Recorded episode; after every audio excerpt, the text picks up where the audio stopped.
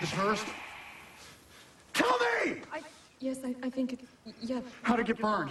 How'd it get burned? How'd it get burned? How'd it get burned? I don't know! Hej allihopa och välkomna till aprilavsnittet av Myrornas krig med Erik och Björn. Eh, nu är vi tillbaka och den här gången hade vi tänkt snacka lite mer om en särskild skådespelare men vi kommer till det. Vi, hur är läget annars med dig? Eh, men det är bra. Jag har... Eh, det verkar som en tradition för mig att vara efter jour när vi spelar in. Så jag har jobbat en natt. Men det är på grund av att det är corona så som vi har en pandemi. för Den som inte har märkt det. Men på grund av det så är det så att folk drar sig lite mer för att gå till sjukhuset. Och jag har mycket mindre att göra när jag gör jour. Utan det är som de som föder barn tar vi väl hand om. Men det går det bra för dem så behöver inte jag vara inblandad. Så jag får vila lite grann på nätterna. Eh, ja.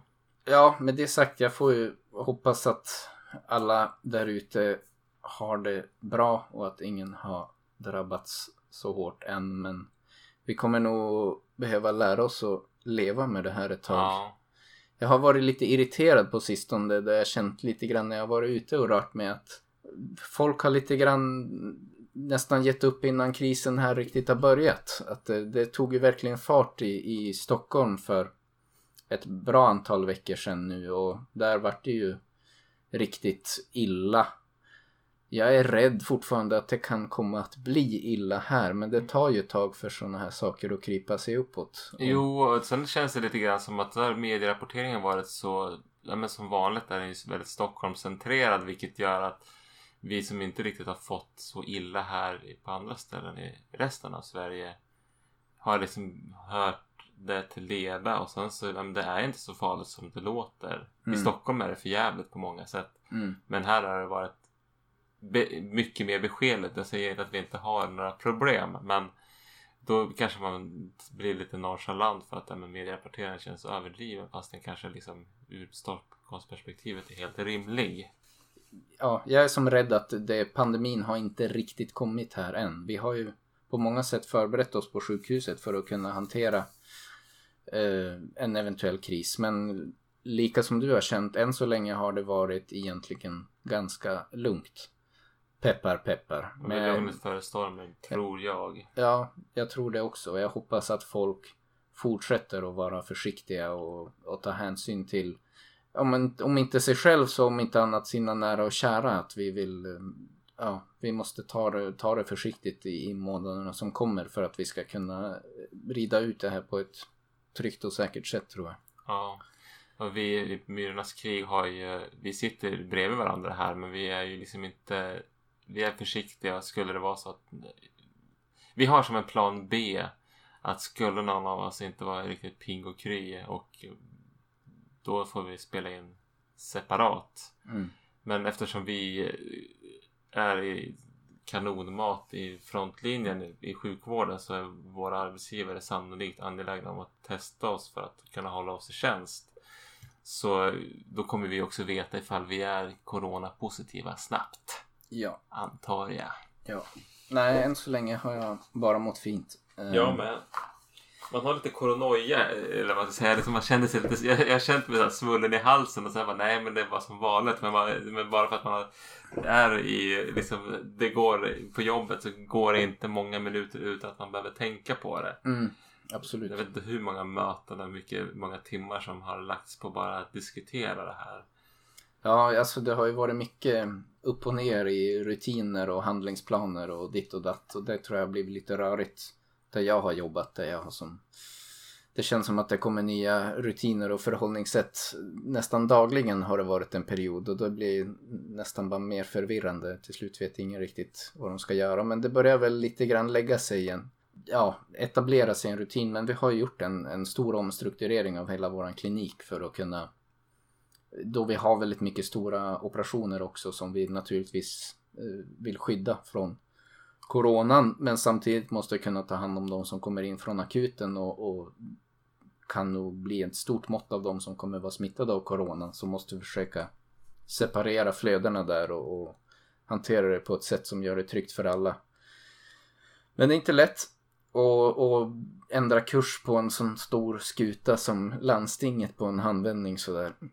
Nej, det, jag tycker ändå att det går förvånansvärt bra även om det är trögstyrt. Mm.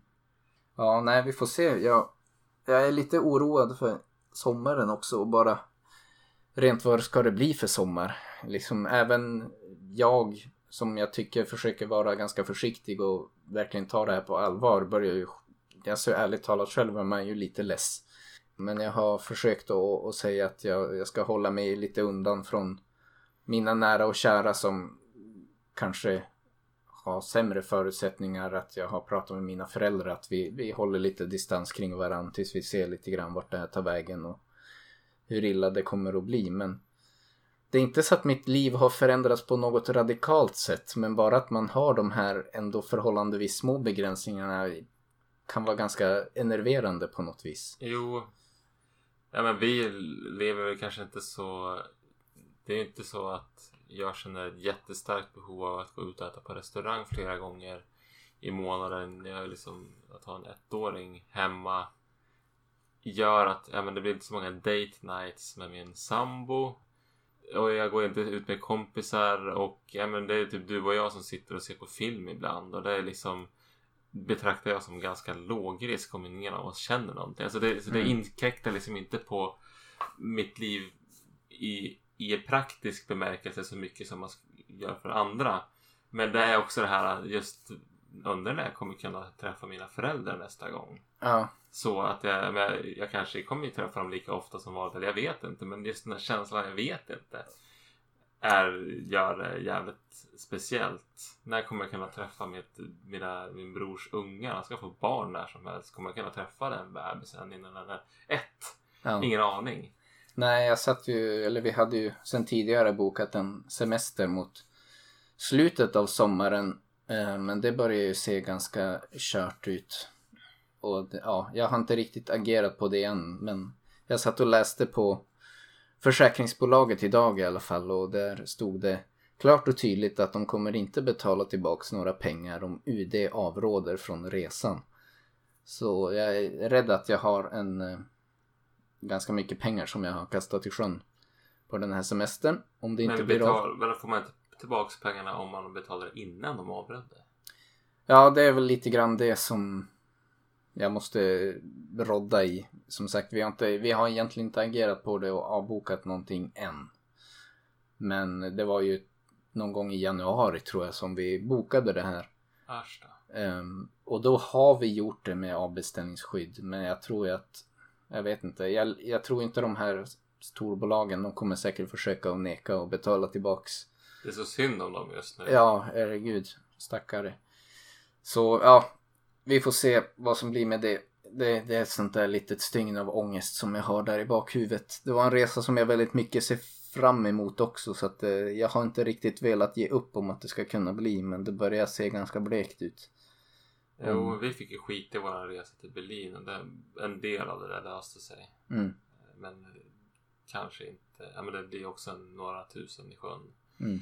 Men, och att man får resecheckar som går att använda inom ett, ja men på SJ där vi har lagt typ 9000. Ja men resecheckar som måste användas inom ett halvår från att resan var planerad. Vad fan ska vi åka någonstans nästa, närmaste halvåret? Ja, Det är ju värdelöst. Kanske. kanske. Ja, ja. får Man se. kan ju... Det är som det är. Det är. I det stora hela känns det som ilandsproblem. Det finns... Ilandsproblem. Nej men precis. Och, eh, Ett annat iland. Vi får väl, vi får väl helt enkelt göra så små eh, hemestergrejer och att tälta. Och Ja. spela in i bushen och en spännande vildmarksavsnitt i sommar. Inte vet jag. Jag bara drar till med någonting nu. Vi kanske ska revanschera oss på vårt försök till eh, utflykt som vi gjorde förra året inför någon podd när vi skulle ut och vandra längs Öreälven. Men det så- blev lite pannkaka av alltihopa. Ja. Ta med tält från början helt sonika. Ja. Eller skippa ungen. det kan man göra. Eh, så, eh, sen, det, lite, det, jag tror det, för min del så känns det inte så oroväckande filmmässigt. Eh, många tänker att det går så dåligt för filmindustrin. Det finns ju så vansinnigt mycket filmer av äldre datum som man ändå kan se. Så det är som inte så att det råder någon brist på underhållning. Men det blir spännande att se vad det här, vad som händer med olika Ja, men, vad händer med alla filmbolag? Vad, ja, men, kommer Mm. det finnas biografer kvar? Eller vad, vad, blir det av det hela? Mm. Så det blir ju spännande i både bra och dålig bemärkelse. Mest dåligt tror jag. Ja, det, det kommer säkert bli en del av en del bolag som går omkull. ehm, på gott och ont. Får man Ja. väl säga. Sen blir det jag tycker, jag vet inte vad det kommer mynna ut i, men det kommer bli spännande tycker jag att se kanske om några år vad kommer vi ha liksom fått för filmer som handlar om det här. Det kommer man se, ja men dels som handlar om det, som skildrar coronapandemin Mm. eh, och känslan i det. Men det kommer ju också säkert påverka hur inspirera andra filmer som inte har samma det här motivet men som ändå liksom tar mycket smak ifrån den här känslan som ändå är nu. Mm. Det kommer nog bli spännande och, inom skräcken till exempel. Det brukar ju som skräckfilmer och sånt där brukar ju kan jag tänka mig bli lite det kommer bli ännu mer när, man, när det liksom är oroligt i världen. Då blir det också oroligt på filmen om man säger så.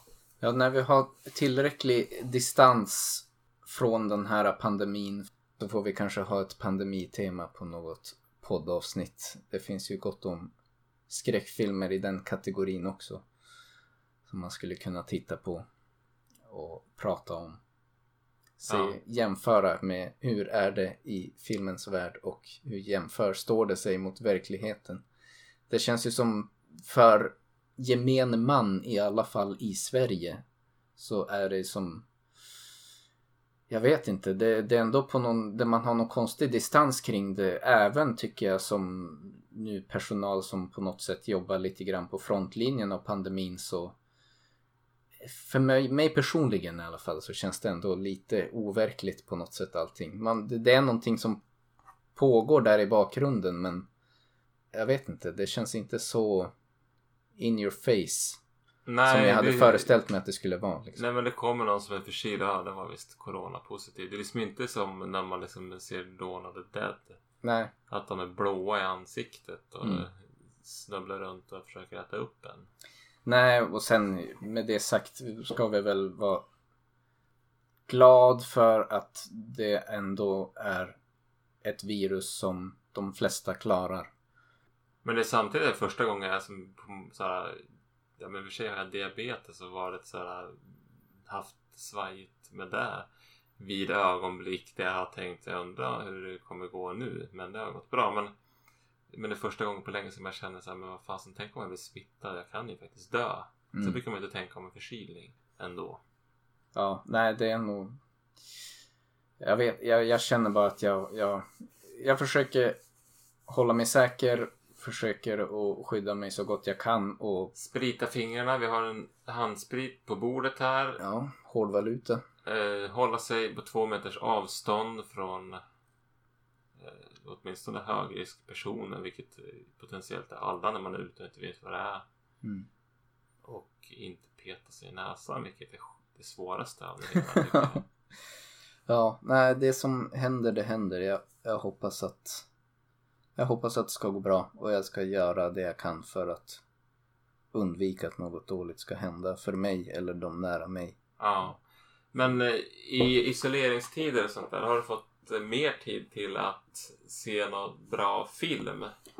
Om vi ska byta eh, ämne till det mer Det vi faktiskt ska prata om. Jo, folk är nog lite less på att höra tjat om corona. Men ja, mer serier än film skulle jag säga. Jag har ju sett igenom säsong tre av Ozark på Netflix som ändå är en serie som jag gillar.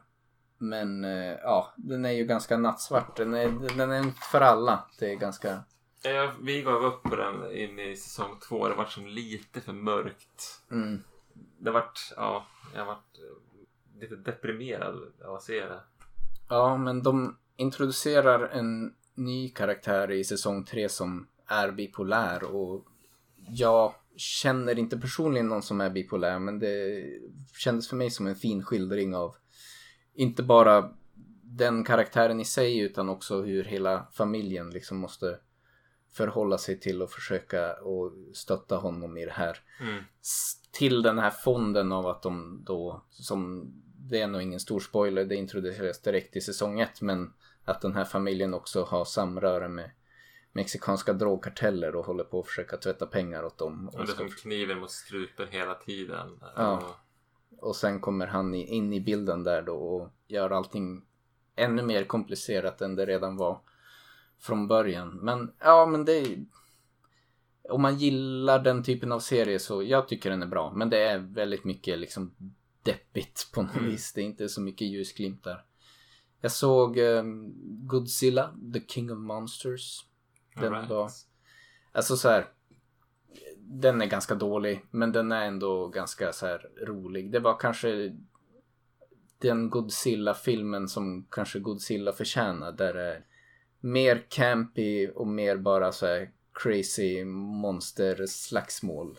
Att eh, den här gamla 90-tals adaptionen av, av Godzilla-manuset som gjordes och var ganska stor film på 90-talet var som då försökte, det kändes som att de tog hela grejen på för stort allvar och de skulle göra det till någonting som kändes logiskt och som man så här, lite grann skulle kunna tänka att ja, men det här skulle faktiskt kunna hända. Det var ödlor som hade muterats och vuxit under havet. Men här är det som mer bara pang på rödbetan. Nej men det finns jättestora galaktiska monster som kommer till jorden och typ slåss med varann. Och, Och så har de viljor och lite, lite prestige nästan Ja. i sin...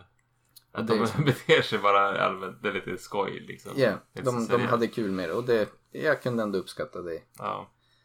Jag såg, eh, ja i skräckens tecken, säsong tre av, eh, eller säsong två blir det av The Kingdom. Det skulle jag ändå kunna säga en rekommendation. Det är ju en, jag tror en sydkoreansk produktion men det utspelar sig i Kina och det kommer med alla de kaviaten av lite så här annorlunda typ av skådespeleri och så vidare. Men hela manuset i sig tycker jag är ganska intressant. Där det, det är någon sorts feodalt liksom kinesisk fond av olika sådana här hus. Alltså nästan lite Game of Thrones över det. Att det är olika sådana här stora adelshus inom Kina som efter att kejsaren har dött lite grann konkurrerar om att bli den nya dynastin i Kina för att ena folket. Och det är mycket Game of Thrones över det.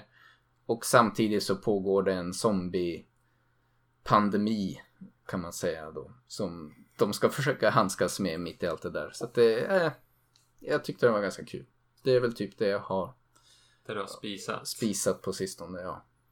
Jag har lite svårt att minnas. Jag tror inte jag har haft sett så, har haft möjlighet, möjlighet att se så himla mycket. Men jag har ju, jag såg, eh, jag såg om They Live Mm. förra veckan.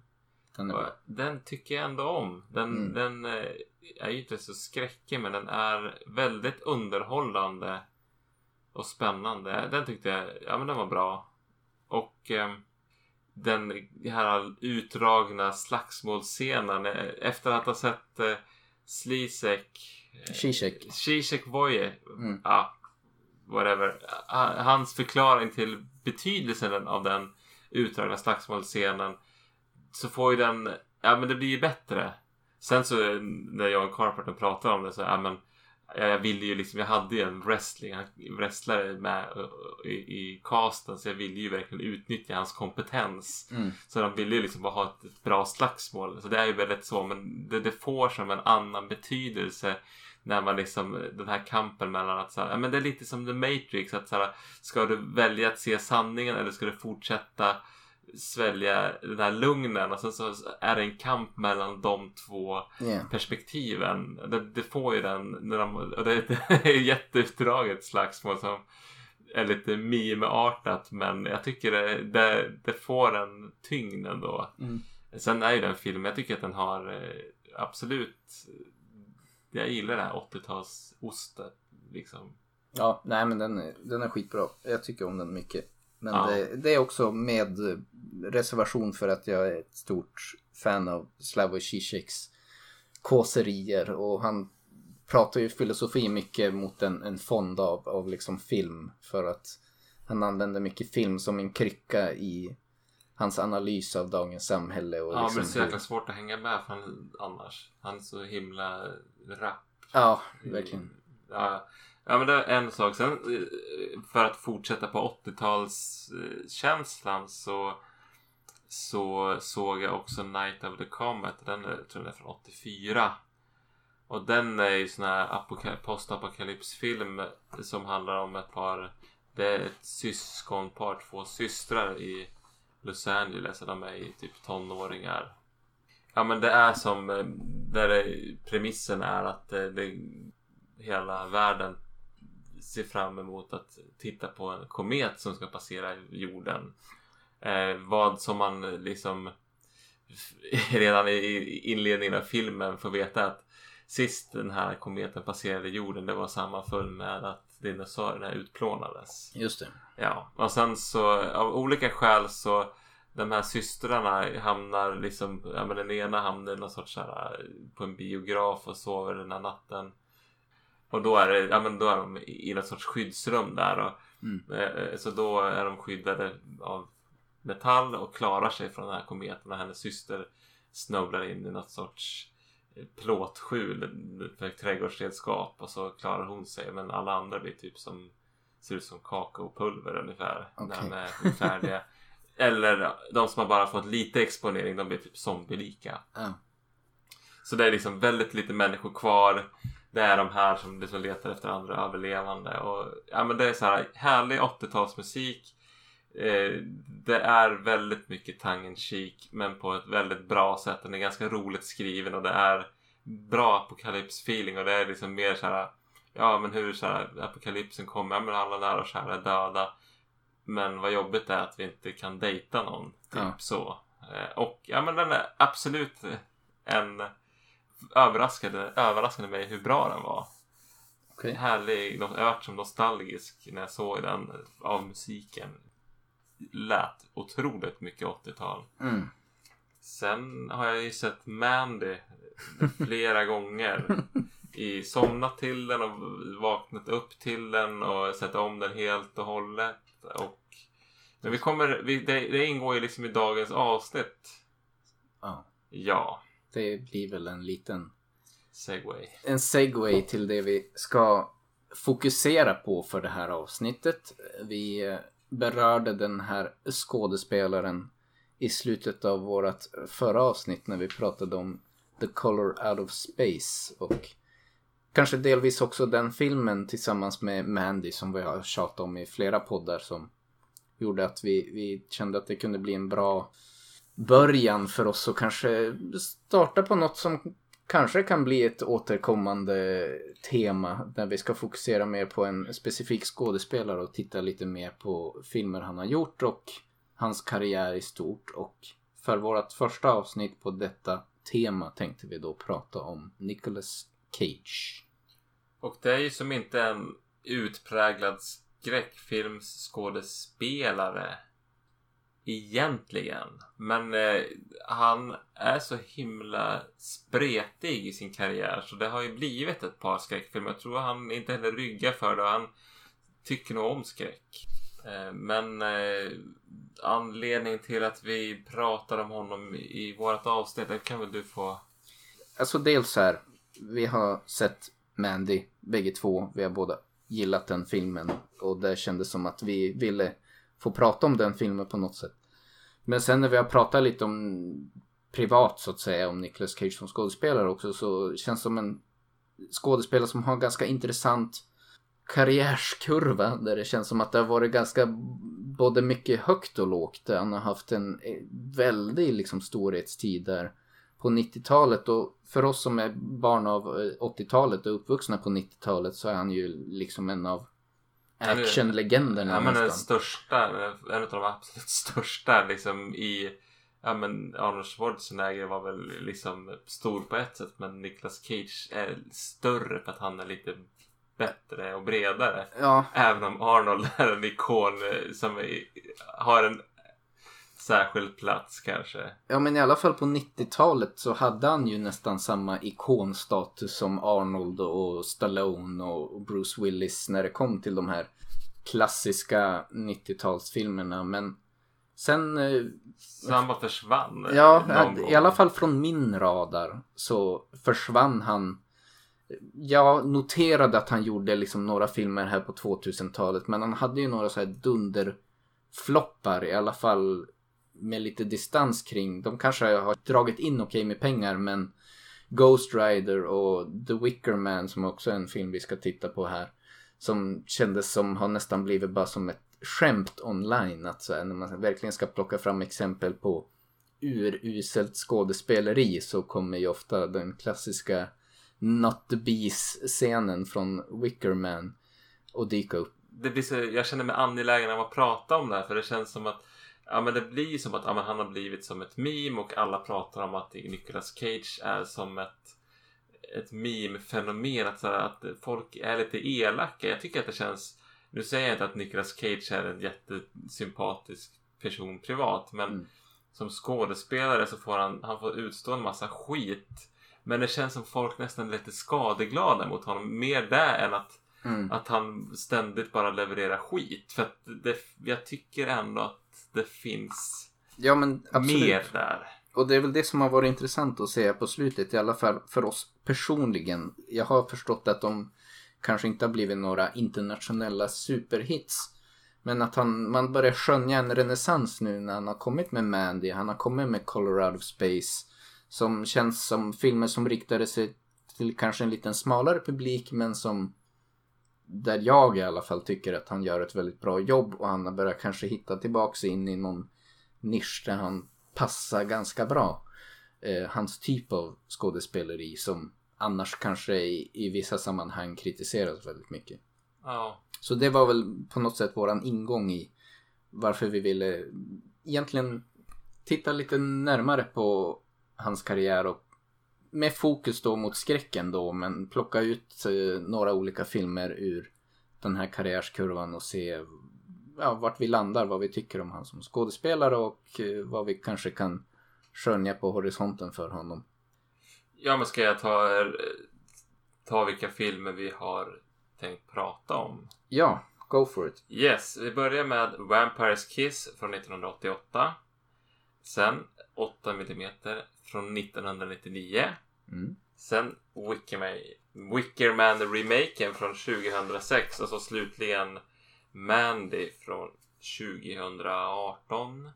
Ja, det känns som att det täcker in Det är som en karriär. 30 års karriär på 40 decennier. Eller 44 decennier. Ja. Ehm, ja. Ja, men med det sagt kanske vi ska hoppa in i det helt enkelt. Annars kommer det här bli den längsta podden vi har gjort hittills. Utan vi tar oss an den första filmen. What could be easier? It's all alphabetical. You just put it in the right file according to alphabetical order. You know, A, B, C, D, E, F, G, Peter. H, I, J, K, L, M, N, O, P, Peter. Q, R, S, T, U, V, W, X, Y, Z. Huh? Eh, Det var väl egentligen på 80-talet som eh, Nicolas Cage filmkarriär började ta fart. Han hade nog ganska tidigt siktat på att bli skådespelare och han kom ju från den här Coppola-släkten och är väl brorson till Francis Ford Coppola som, och kusin till Sofia Coppola bland annat. Eh, Den kända regissören. Men eh, han hade, när han kom till Vampires Kiss så hade han ju som Mångalen och lite andra mer eller mindre ja, men större roller eh, bakom sig. Så när han kommer på Vampires Kiss så var han väl ändå lite av ett dragplåster skulle jag kunna tro. Han var väl också känd för att han var ganska så utagerande som skådespelare. Det vart som ofta spektakulära scener med honom. Mm. Eh, Så jag kan tänka mig att han var som en ganska bra... Att man när man castade såg hans potential att spela den här galningen eh, som han är i eh, Vampires Kiss, eh, Peter Loew. Just det. Eh, Men den filmen är i varje fall, det handlar om en, en eh, Nicolas Cage arbetar på en någon sorts författaragentur i New York och eh, under någon sorts, eh, han får väl ett hemsläp. Han, han lever väl ett liv där han drar hem kvinnor och lever rätt så, ja men det här äh, yuppie-livet. Eh, och en av de här hemsläpen så ska han komma hem där och de börjar vänslas i hans lägenhet och så kommer det som en, en fladdermus och liksom kastrerar honom på något sätt. Inte bokstavligt utan mer bildligt. Att han, han blir som helt, han blir så himla rädd för det här och det liksom tar ner, krackelerar hans fasad. Mm. Och inleder väl någon sorts, det här någonstans börjar den här processen att han eh, blir ja han blir väl så pass ur balans av det här och sen plötsligt så dyker det upp en person som är en vampyr som alltså vid nästa gång han ska släppa hem någon och så blir han biten och eh, man får liksom följa hans process i förvandlingen mot att bli vampyr. Är det på riktigt eller är det bara i hans huvud det här utspelar sig? Man får följa med honom till terapeuten. Eh, och eh, man får också följa med honom på jobbet där han liksom lite mer och mer spårar ur och han börjar trakassera en sin sekreterare som eh, enligt honom har slarvat bort ett viktigt gammalt kontrakt som de har med en författare. Eh, och eh, ja men det är lite grann här filmen det det här, det är så här filmen utvecklar sig och man får följa med hans karaktärs utveckling. Ja, jag tycker egentligen... Du säger författaragentur. Jag känner när jag tittade på filmen, jag fattade egentligen aldrig riktigt vad de jobbade med. Jag, jag förstod att de hade kontrakt med olika klienter av något slag. Liksom, men jag, jag förstod aldrig riktigt exakt vad han jobbade med. That's besides the point dock. Det är inte egentligen så eh, viktigt. Utan det känns som lite grann den här filmen är ändå the Nicolas Cage show. Liksom att fokus är Nicolas Cage. Och, och det är väldigt mycket hans eh, förfall som man får följa och där han kanske ändå är en bra cast för det. Liksom. Att han har ju ett rykte om sig att kanske, som vissa hade valt att kalla det, att han överspelar i vissa situationer men i en sån här roll där det handlar om en man som mer eller mindre tappar förståndet, kanske, eller förvandlas till vampyr. Lite oklart. Hur som helst så, så passar han i den här rollen när han liksom mer och mer tappar greppet om sin verklighet och, och Det är ju många scener som han verkligen är Ja, där, där han tuggar scenerier minst sagt. Han, ja, och, det, och det är liksom Även om man, och jag tycker den känslan är ju liksom även om så här historien, även om skit, skulle man skita i resten av historien och så skulle man titt som tätt få sig en härlig Nicolas Cage. Mm. Det är flera, många sådana sekvenser i filmen. Eh, det är väl tänkt som en, en svart komedi med skräckinslag och eh, det finns ju liksom den här, eh, det, det, det är en väldigt mörk humor som genomsyrar det här. Och det passar Nicolas Cage för faktiskt. Och tänker man det som en svart komedi så tycker jag att då passar ju ett överspel. Mm. För det kan jag inte förneka att han gör. För han spelar ju over the top gång på gång här. jag gillade enskilda scener med Nicolas Cage i den här filmen. Jag är inte övertygad om att jag gillade filmen så väldigt mycket som helhet. Jag tyckte inte det var jätteintressant. Eh, alltså man, man får se den för Nicolas Cage och om man kan uppskatta den här som nästan har blivit liksom det här internetmimet Nicolas Cage med hans överagerande i vissa situationer så passar det sig väldigt bra här och är väldigt, väldigt underhållande i, i enskilda scener. Ja, man springer längs eh, eh, London, New Yorks gator. Ja men han hoppar fram och skriker I'm a vampire! Och eh, ser nästan glad. Det påminner om Singing in the Rain lite grann nästan. Eh, ja, ena stunden och sen andra stunden så går han fram som när han är vampyr i Nosferatu och ser helt förstörd ut. Ja. Och liksom tar sig fram. Ja men det är väldigt kul. Eh, sen så, jag menar, jag, jag, han som har skrivit filmen, nu har jag inte namnet i huvudet, också skrev förlagan till After Hours som Martin Scorsese gjorde och det är också en sån där New York svart komedi och det är det är en lite av en acquired taste tror jag som jag inte helt är såld på. Mm. Nu hoppar jag lite grann i ämnena men det är just den här, det är någon sorts galenskap som finns i, det känns som att den är ständigt närvarande i båda de här filmerna. Och eh, den finns även i, i Vampires Kiss. Och det stör mig lite grann. Man kanske måste vara upplagd för det. Mm. Så det är nog inte bara att Nicolas Cage är en galen panna utan det är också ett ganska galet manus. Ja. Jag tyckte alltså min största behållning var nästan om man ska lyfta fram någon annan skådespelare så var en återkommande scen var ju hans sessioner med hans psykiatriker. Ja. eller psykoterapeut som det var jag tyckte de hade de spelade mot varandra ganska bra där hon är liksom han spårar ur mer och mer och hon är liksom ständigt så här cool lugn och jag vet inte spelar mot Cage på ett bra sätt som jag tyckte Ja, de, de, var- de, det jag tycker de har en jättebra dynamik och jag tycker också det är väldigt kul att se han kommer till den här psykoterapeuten. I och med det så har han ju liksom erkänt någonstans att ja, men jag mår inte riktigt bra. Mm. Samtidigt när han går till den här psykoterapeuten så är han så här, håller han en, en fasad hela tiden som är så här, man blir förbaskad. Nästan lite frustrerad över att han liksom, men varför säger du inte vad du känner? Ja. Du döljer någonting här. Du skulle må bra av att prata med din terapeut. Om du ska prata med någon om hur du mår så är det med den här personen. Mm. Men då ska han ändå hålla upp den här fasaden och bara, men hon är dum i huvudet min assistent. Ja. Hon kan inte sortera. Hon kan, man lägg i registret så är det i bokstavsordning. Vem fan kan inte fatta det här liksom? Och så, ja men han är he- helt galen men i sitt skydd av att hålla den här fasaden. För att skydda fasaden så krackelerar ändå liksom. Ja men det känns som att hon har ett väldigt coolt sätt att liksom sakta men säkert bryta ner den fasaden utan att liksom på något sätt agera hotfullt eller någonting. Att hon, är- hon håller sig hela tiden lugn, hon är hela tiden samlad. Men Hon rullar ändå- med motståndet. Som Ja, det precis. heter så fint. Ja. Ja, nej men den... eh, ja, vad ska man säga? Jag tycker en sevärd film för Nicolas Cage. Nicolas Cage. Sen tycker jag, jag, jag tycker jag har ju som en fäbless för New York. Jag tycker om det här i början, den här stekande solen i solnedgången.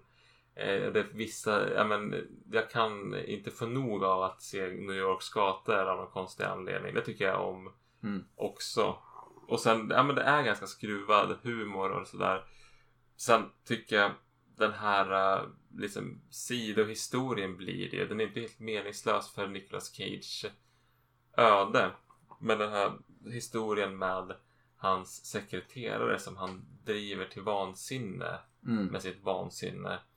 Det blir en, man får följa henne och henne, lite grann hennes familjs vedermödor på ett sätt som jag inte riktigt känner för film framåt. Nej, det leder som ingen vart. Och det är inte annan- intressant att se heller på någon, av någon annan anledning heller, tyvärr.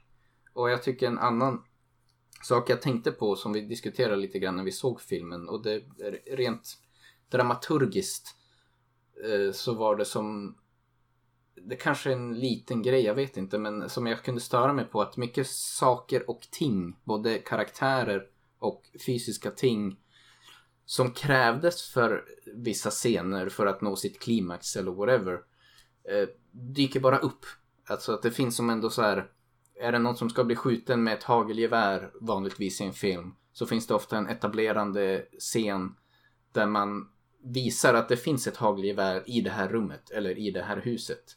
Som, eh, så att det inte blir så jarring när plötsligt han dyker upp med ett hagelgevär i, i handen. Jag måste vara lite primad för Man måste vara liksom lite primad, veta, ha i bakhuvudet att det här hagelgeväret finns här och kan komma att spela roll sen. För att det inte ska kännas jättekonstigt när plötsligt det kommer in rusande någon med ett hagelgevär. Och det gjorde man inte så mycket här. Det var många sådana scener där det var liksom bara och plötsligt dyker den här upp och plötsligt har han en pistol och plötsligt eh, där man inte har liksom etablerat riktigt innan att vad som kan komma att hända och så känns det bara väldigt weird när det plötsligt dyker upp någon ny karaktär som behövdes för den här scenen men bara dyker upp från ingenstans. Jo, till som, synes, liksom. precis. Eh, Också lite grann att det är... Ja, men, eh, först är han på jobbet. Och sen så kanske han är hemma i lägenheten och gör någonting. Mm. Och sen så är han på en klubb och sen så är han hemma i lägenheten med en ny tjej. Att det, och det liksom är, det, det är inte sömlöst utan det är liksom det, man får liksom inte veta hur gick det här till utan det är bara pang bom så är det där. Mm. Inte så hela tiden men det är flera sådana ganska tvära kast och det är lite besläktat med det här eh, med att man inte etablerar Mm. man etablerar liksom inte resan mellan platserna. Mm. Man etablerar liksom inte varför. Okej, just det här med eh, det, det, det dyker ju upp en pistol här som är ett spänningsmoment Mm. och som planteras jävligt.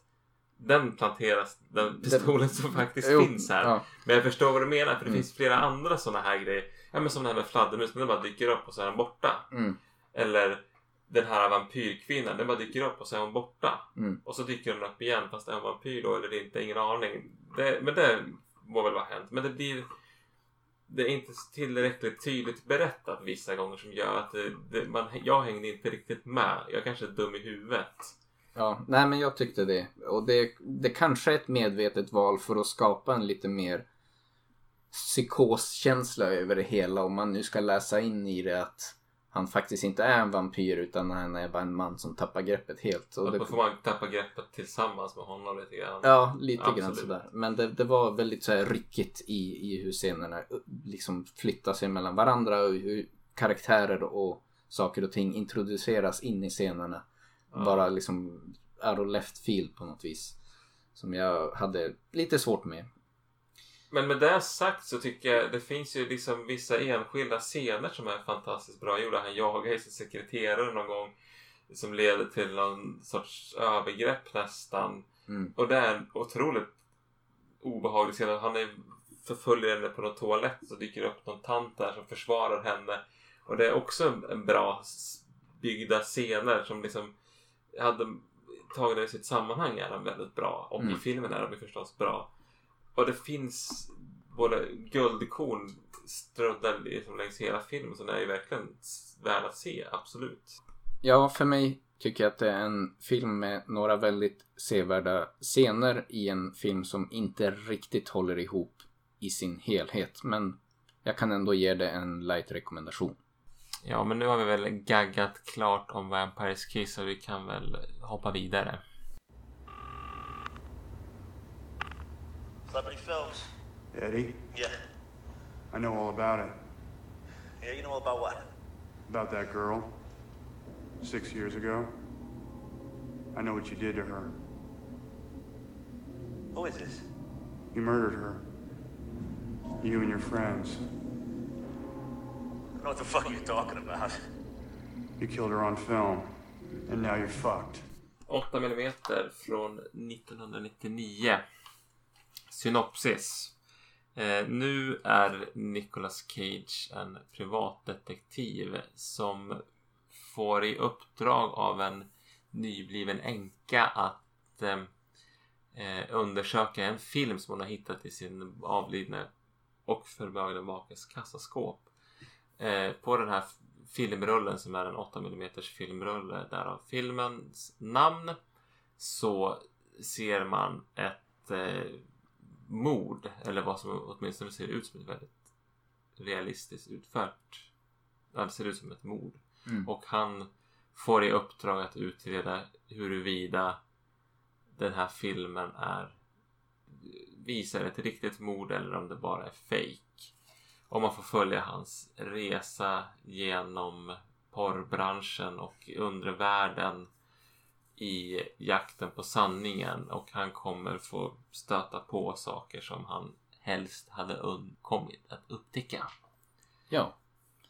8 mm right off the bat får jag ändå säga. Jag trodde inte jag skulle tycka om den här filmen så mycket. Jag har sett den när jag har varit yngre. Kom inte ihåg jättemycket av den. Men nu när jag har sett den igen får jag ändå säga att den står sig ändå som en väldigt tät, spännande thriller overall, tycker jag. Ja, den kom väl liksom 99. Den är ju som en eh, liksom formelmässig ganska standard thriller med gimmicken att den tar upp snufffilmer. Mm. Eh, Och den, den, känslan är lite grann, ja men Nicolas Cage är en jättestor stjärna vi har en ganska stor budget på typ 40 miljoner. Det är ganska stort för en thriller. Mm. Och eh, man tar in honom, han det brukar ju dra folk till biograferna och det är liksom ett bra hantverk i den här filmen. Tidsmässigt i karriären nu så är vi någonstans peak Cage lite grann. Det känns som att här har rider han på filmer som The Rock och Con Air och så här väldigt stora actionfilmer där han har varit liksom front front and center och varit liksom billboardnamn som drar mycket publik. Nu är inte det här en actionfilm men det känns som att det här är eran då Nicolas Cage på en filmposter garanterade att du tjänade igen pengarna. Ja, och det här är en sorts thriller som var stor på 90-talet. Mm. Ja, men lite i vågen efter eh, lam, När lammen tystnar och den typen. Seven och Så, ja. går lite grann i den, den ådran av lite thriller som ja, mörk thriller drar lite åt skräck Mm. eh, hållet. Jag får väl eh, känslan lite grann i den här filmen av Nicolas Cage att ja, men, han är också på sin peak-karriär. Han får antagligen ganska mycket pengar för sina roller så det här är ju liksom inte den här klockrena Nicolas Cage-rollen på många sätt. Han, jag tycker att han eh, spelar bra men det är också lite grann, ja men han är en stor stjärna och tycker om att tjäna pengar så därför Mm. gör han den här filmen men han kanske inte har jättestort konstnärligt intresse. Det liksom känns inte som att han strålar ut med någon skådespelarkreativitet. Nej, och det är som inte riktigt Nicolas Cage i fokus heller. Alltså, jag tycker han gör ett kompetent jobb. Han har ju en ganska lågmäld roll här där han spelar ändå ganska seriöst och liksom får inte utagera lika mycket som i vissa andra filmer. Han gör jobbet i den här filmen bra. Jag kan tänka mig Det kanske är för mycket, pro- det är mycket producenter som tyglar honom här. Ja, precis. Ja, men jag kan ändå så här tänka mig tio skådespelare right off the bat som hade också kunnat göra det här jobbet bra. Det känns Ja. inte som att det är en... Kevin Costner var ju en. Ja. John Cusack, absolut. Ja, Men det finns Bruce liksom... Willis på gränsen kanske. Men en hel hög. Ja, men jag tänker en ung, eller en Clint Eastwood hade kunnat köra den här fast då hade han inte haft en ny familj kanske. Mm, mm. Ja, men det finns många sådär ganska stora Hollywoodskådisar som absolut hade i, inte, inte hade stuckit ut så himla mycket. Nej. Det, det är en film som jag ändå liksom skulle kunna rekommendera som en thriller. Eh, kanske inte rekommendera som en Nicolas Cage-film. Om man Nej. är ute efter det här väldigt utåtagerande, lite överspelande, väldigt underhållande som Cage kan komma med ibland. Så gör han inte det i den här filmen. Men filmen i sig tycker jag ändå är spännande. Den är, ja, men jag, jag tycker att den är som spännande men den är, man, jag tror den är, för, ja, det jag har, den stora invändningen jag har mot den här filmen är att den känns väldigt formelmässigt Hollywood. Att den är, det känns så Hollywood-skrivet. Mm. Men med det sagt så är det ju, det är ett spännande mysterium som man får nysta i. Ja, och de en spännande har... resa. Det är roligt tycker jag, i, särskilt i början att följa hans detektivarbete där han får tillgång till väldigt mycket information på lite, jag vet inte, lyckas på ett väldigt fiffigt sätt lägga ihop lite pusslet om hur allting hänger ihop och det är liksom den stora utmaningen från början blir ju att helt enkelt komma fram till vem är det som är på filmen. För att kunna börja leta efter den här personen för att se huruvida hon faktiskt lever eller om hon är död och vilka som är inblandad. Den biten liksom- i filmen är, är ju den stora behållningen tycker jag nästan. Ja. Sen när man väl kommit förbi det och börjar komma in i den här mer mörka undersidan av pornografibranschen och där tappar den lite grann. Det är inte lika spännande och det känns också som att skildringen är lite så här bara... Äh, jag vet inte. Joel Schumacher är ju som, som för regin här och han liksom, det blir schablon, jag vet inte. Det känns som att han är, ju som s- förstörde Batman-franchisen totalt på 90-talet. Är lite grann i samma, han har, han är som, det blir som nästan lite vulgärt. Ja, För att låta jävligt snobbig här men Nej men det blir, han framställer porrbranschen som att det är så här, bara massa outcasts som är så här, ja men misfits som är oetablerade och knäppa Mm. som eh, tittar på porr. Men i sådana fall så skulle inte...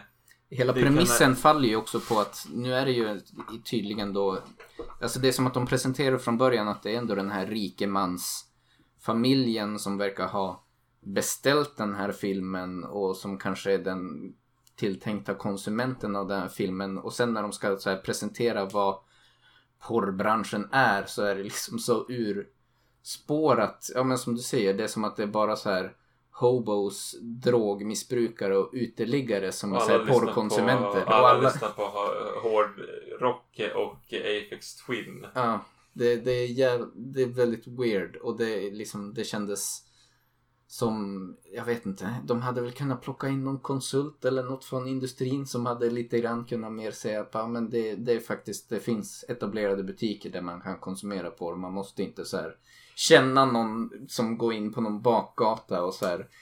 Det är som att, så här, att Nej, sälja tänk- porrfilmer är som att langa heroin ungefär i Nej den men precis, filmen. ja men liksom han, Nicolas Cage tar så här, Joaquin Phoenix till hjälp. Han så här, någon som står och jobbar i någon porrbutik som är typ som någon sorts så här, ja, han kan undre världen och sen Mm. så bara för att han jobbar i porrbutiken så känner han till allt här, ja men nu går vi till den här äh, klubben där de säljer den här typen av porr. Mm. Nej men det var inte här. Men går vi till den här andra klubben som har den här ännu mer extremt sådär. Och så Mm. får man följa hur så här, Nicolas Cage karaktär bara blir mer och mer så här förstörd av att se all den här skiten liksom. Ja. Och det är så himla knäpp värld. Jag tror det hade varit betydligt mer intressant att se och det här, att de hade bara skildrat ett ungefär som Hollywood är på riktigt. Mm. Men hur jävla skevt det är. Mm. Att det, liksom, det, det finns där precis bredvid filmskaparna själva. Det hade kunnat bli hur intressant som helst att se. Ja. Kommer jag på spontant nu. Jo, nej men det var som ett, ett märkligt, en märklig vändning där det, det, det kändes som att från premissen med den här rikemanspersonen som hade beställt filmen så skulle man liksom komma in i en, i en, som du säger, en undre värld som kanske löper parallellt med Hollywood där det finns en mörk baksida till filmbranschen där många skådespelare blir indragna i den här branschen. Men sen gör de den här weird vändningen då där det är liksom okej, porr konsumeras bara av drogmissbrukande, rave-festande. Ja men det är liksom. lite grann som så här, man, the orcherna i Lord of the Rings. Ja. Liksom. Det är liksom, vad fan är det här för värld? Lite den feelingen. Ja, det, Eh. det var weird och det var lite... Ja, det var inte bra. Men eh, dessförinnan ändå en spännande thriller. Peter Stormare gör ju en liten... Eh, skojig. Han skjuter armborst. Han är någon sån här excentrisk, pretentiös porrfilms, extrem porrfilmsskapare. Sen har vi James Gandolfini som är någon sån här springchas eller Mm. producent som är ett svin.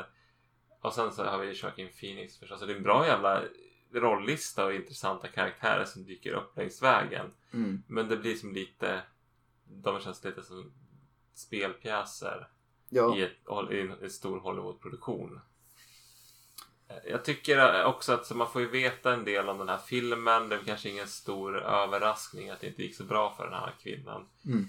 i snufffilmen. Men det är liksom man som kommer fram till att ja, men, man vet ja, men vilka det är som har gjort det.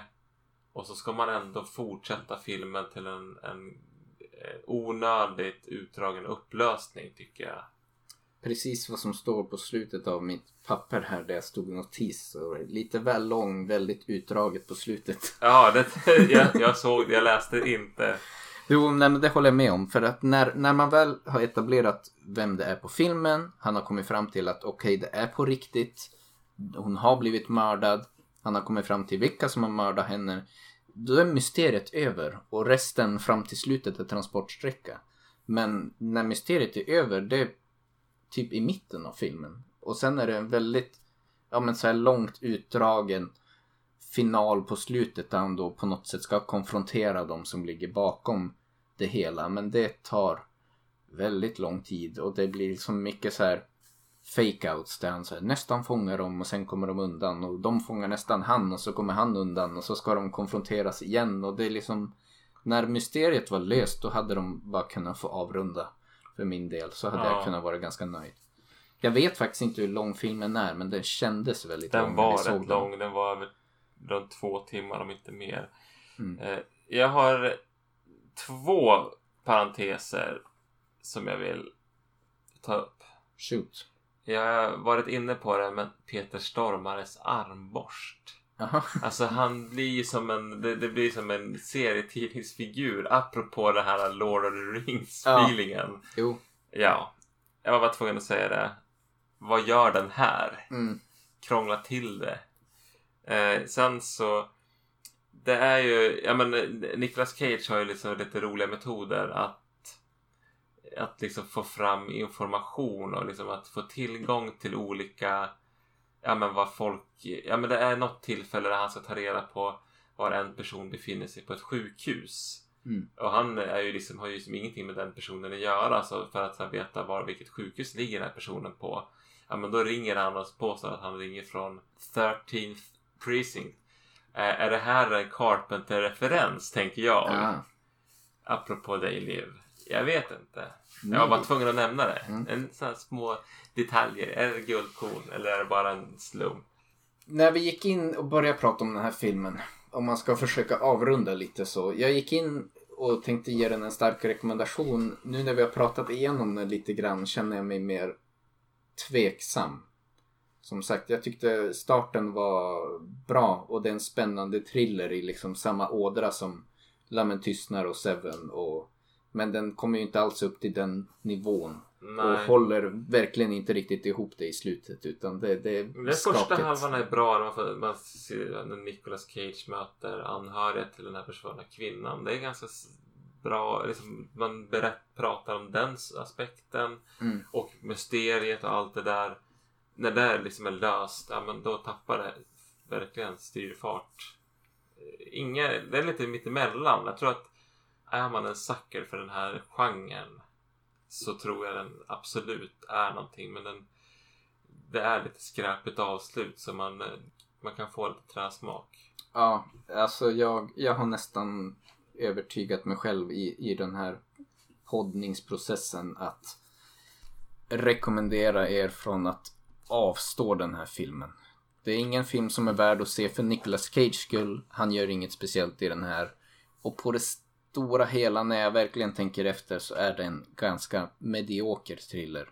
I min mening i alla Mm. fall. Jag tycker det är, men vi, vi har ju sett på den här uh, tesis när vi snackade om spanska filmer. Mm. Och där handlar det också om att man ser en snufffilm och försöker lista ut ett mysterium. Men den hade sina... Den hade vissa saker som var bättre än den här.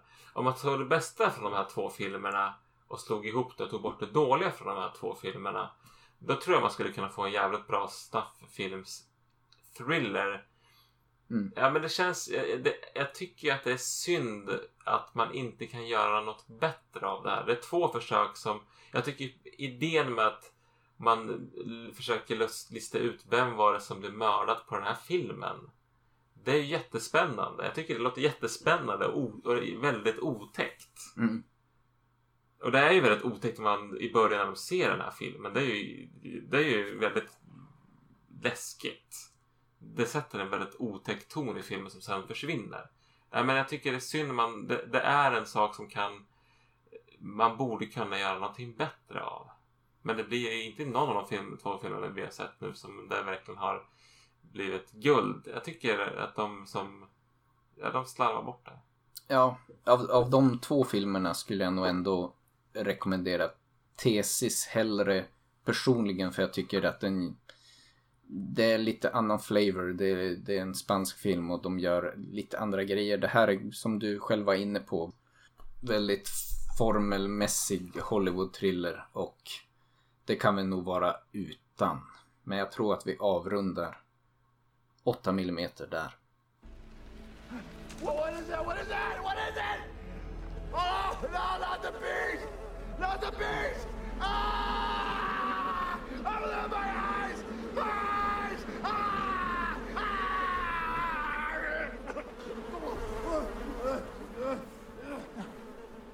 Den tredje filmen som vi har sett är då remaken av The Wicker Man från 2006 där Nicolas Cage spelar Edward Malice som är typ trafikpolis som har mer eller mindre gått ur tjänst efter en traumatisk trafikolycka. Ehm, men sen som småningom får ett brev av en före detta flickvän som man förstår han har varit väldigt nära som vädjar till honom att komma till en ö där hon bor för hon är övertygad om att hennes barn har blivit kidnappat.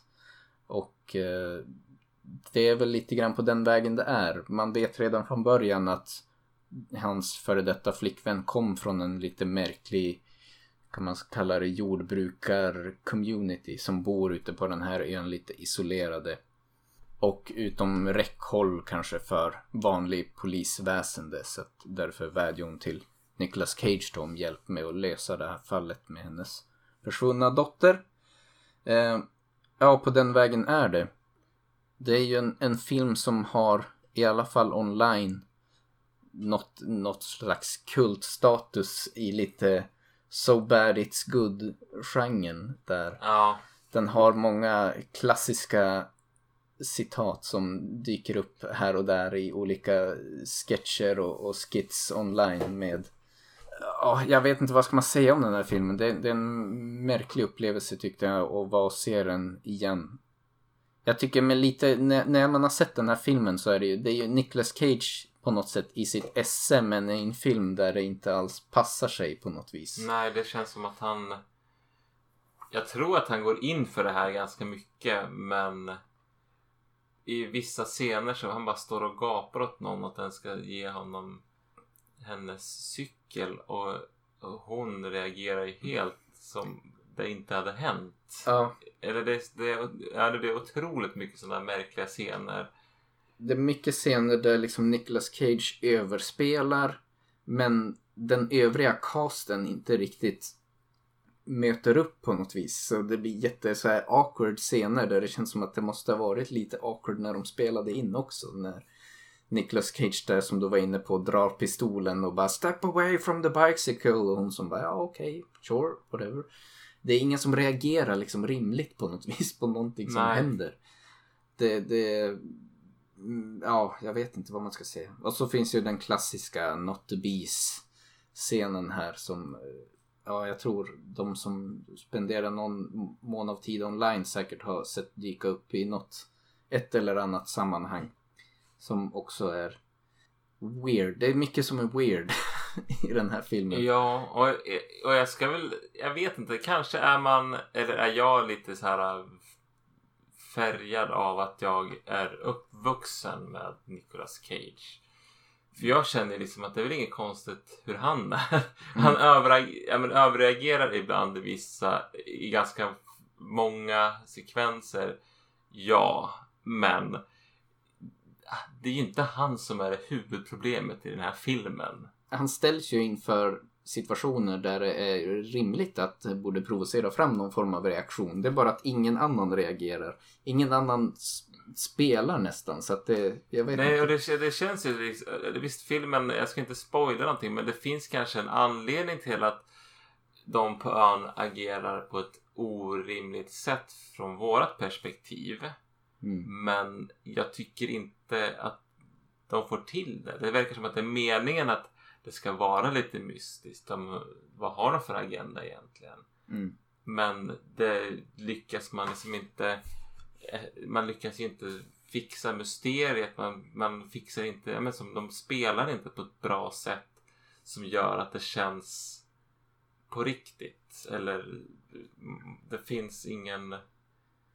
Nej, Manuset är inte bra helt enkelt. Jag, jag tycker att jag har ju sett den originalet också och den tycker jag är ändå en bra film. Det är en rekommendation. Men där finns det ju ett mått av att man, han kommer till den här ön och liksom lite grann sakta vaggas in i den här jordbruksidyllen och den lite märkliga skumma baksidan visar sig först senare. Medan här är det som att Nicolas Cage kommer till ön och allting är skitskumt direkt. Ja, men det är som att blir- han, ja, men han, han flyger till ön och liksom lyckas övertala den här... Eh, ja, men det är en person som flyger dit olika varor och sånt från fastlandet som de inte kan producera själva. Och redan där så får han sagt ja men du ska passa dig för att gå i land här. Man kan inte gå i land utan tillstånd. Han går i land utan tillstånd. Och så möter han lite ortsbefolkning där och de har någonting i en säck. Och han bara, jag måste se vad som är i säcken. Jag måste se vad som är i säcken. Man ser att i säcken är det någonting som rör sig. Någonting rör sig och det, det rinner liksom- blod ur säcken. Det rinner blod i säcken och där är, så, är det så att de har liksom stageat det här. Hur kan de veta att han ska komma just då? Mm. Det är allting så himla orimligt. Och, så här, och om de nu har stageat det här, varför gör de det? Om de inte har stageat det här, och, och, så varför försöker de inte dölja det? Och varför ger sig Nicolas Cage så himla snabbt? Jaha, ni tänker inte visa mig det? Ja, ja, då så. Då får det Eh, vara. Då går jag Men, till men krogen senare i filmen så kan han dra en pistol för att få se en cykel, eller få ta en cykel. Men Mm. han drar inte pistolen för att se vad som är i säcken. Mm. Om han nu letar efter ett barn som är kidnappat och han ser en säck som rör sig, borde han då liksom inte, ja men här är det. Man tänker ju när han reagerar så som han gör att okej nu tänker Nicolas Cage att de kanske har barnet i säcken. Men sen som du är inne på då är det som att de bara nej men vi vill inte visa. Och så är det som okej då släpper vi det. Ja. Och så går vi vidare. Och sen så, eh, den scenen just, och det finns flera stycken liknande scener. Men den scenen slutar ju i något försök till en jumpscare där man liksom inte riktigt får se och så händer någonting. Och det är flera stycken sådana filmer. Är det så att de bara vill leverera någonting som får en att hoppa till i stolen men de lyckas inte med det. För det, det är ju som drömsekvenser och det är det ena och det andra som dyker upp som inte tillför någonting Annat Till- än en jumpscare. än en jumpscare och en dålig sådan. Ja. Och sen så är det ju det här, ja men han, det är, ska vara ett mysterium på den här ön. Men det resulterar i princip i att han springer från hus till hus och frågar folk och ingen säger något och han blir bara arg. Mm. Och sen springer han till en annan sida av ön och så frågar han något och så blir han bara arg. Eller frustrerad och försvinner vidare till nästa. Så ska han ha den där jävla cykeln och cykla vidare. Ja. Det, om man ska säga någonting positivt om den här filmen så äh, jag tycker att det var underhållande. Det finns liksom en anledning till att en del scener i den här filmen har blivit lite grann ikoniska nästan i hur So bad it's good-genren när det är en scen där Nicolas Cage springer runt i någon björndräkt och Ja, inte så- sucker punchar någon liten tjej och det är liksom så här helt urflippade scener som är bara Det- en hur- fest för ögat. Men hur fick, det, hur fick man genomföra det här? Det, jag Ja. tycker det, ja, men det, det är festligt och sen så tycker jag, jag- ska inte sticka under stol men jag tycker ändå att det är ganska snyggt på vissa ställen. Han cyklar runt på den här ön. Jag tycker det är fina miljöer. Nej, det är väldigt så fin årstid. Jag blir som somrig till Mm. sinnet. Så jag far runt där. Det, det är ganska absurt alltihop. Men ett roligt spektakel. Det kanske inte är en film jag längtar efter att se om i detta ögonblick. Men jag har svårt att se att jag inte kommer se om den någonsin igen i mitt liv. Ja. Nej men jag tycker att det var, den var underhållande men nothing makes sense. Det är liksom, stäng bara av hjärnan och njut av Cage när han får bara spåra ur. Och det, det, det håller inte riktigt ihop som film men det, jag vet inte, det är underhållande. Jag tyckte, jag hade ganska kul. Jag skrattade mycket när jag såg den här filmen. Vilket var kanske inte tanken men jag Ja, fick men- ut någonting av det i alla fall. Ja. Sen så skulle jag väl ändå, för att inte förstöra The Wicker Man från 73 Mm. så ska man nog se den först. För den, är lite, den lyckas ju etablera det här mysteriet. Mm. Och eh, ja, men eh, så den ska man nog se innan man ser den här. För man, jag tror att ser man den här innan så förstör man nog första Ja, originalet lite grann. Jo, det är ju en film som har en twist som är egentligen en ganska bra twist fast här så dribblar de bort sig själva längs vägen och det blir bara ganska dråpligt allting. Men i originalet, det, det är ändå en spännande film och sevärd och jag håller med dig. Se den först. Sen eh, rent karriärmässigt nu, det känns som att nu, nu börjar vi röra oss in i the dark age of Cage. The Dark Cage. Men, Dark- men det är också lite grann kanske såna här filmer med, han kanske är det såna här filmer eller den här filmen med, med de här mime, mime scenerna som gör att han har blivit en som kultfigur eller är han redan eller är det så att han hela hans karriär har gjort honom kult? Kanske är det så, men den här måste ändå bidra till att han är en Mm. kultfigur samtidigt som vi är i the, in the dark age på en del sätt. Ja, alltså jag, i alla fall för mig personligen. Då har jag kollat igenom lite Cage filmografi och visst han har gjort en hel del filmer efter The Wicker Man också. Gone in 60 seconds tror jag kom efter som var ändå Ja, den lite av en hit. Den var tidigare. kanske var tidigare. Ja. Men- Lieutenant var bra. Och National Treasure som Ja. skräp men ändå en lyckad film. Det är ju de krok. Alltså han är ju liksom inte, hans karriär är liksom inte på jätte... Den. Det är inte på superdekis men jag tycker för mig personligen ändå så här någonstans så försvann Cage från min radar Ja. faktiskt. Jag har inte sett mycket av Cage och inte liksom hört något mycket buzz kring några Cage-filmer efter det här egentligen. Eh, han har gjort filmer ändå, en del som jag tror har väldigt bra kritik och som eh, delvis även har varit lyckade rent finansiellt sett. Men för mig personligen så försvann, alltså innan det här då var ändå han i mitt huvud en, en actionfilms-ikon. Men eh, efter Ja, här sin- någonstans i karriären så, så tappar det fart tycker jag. Jo.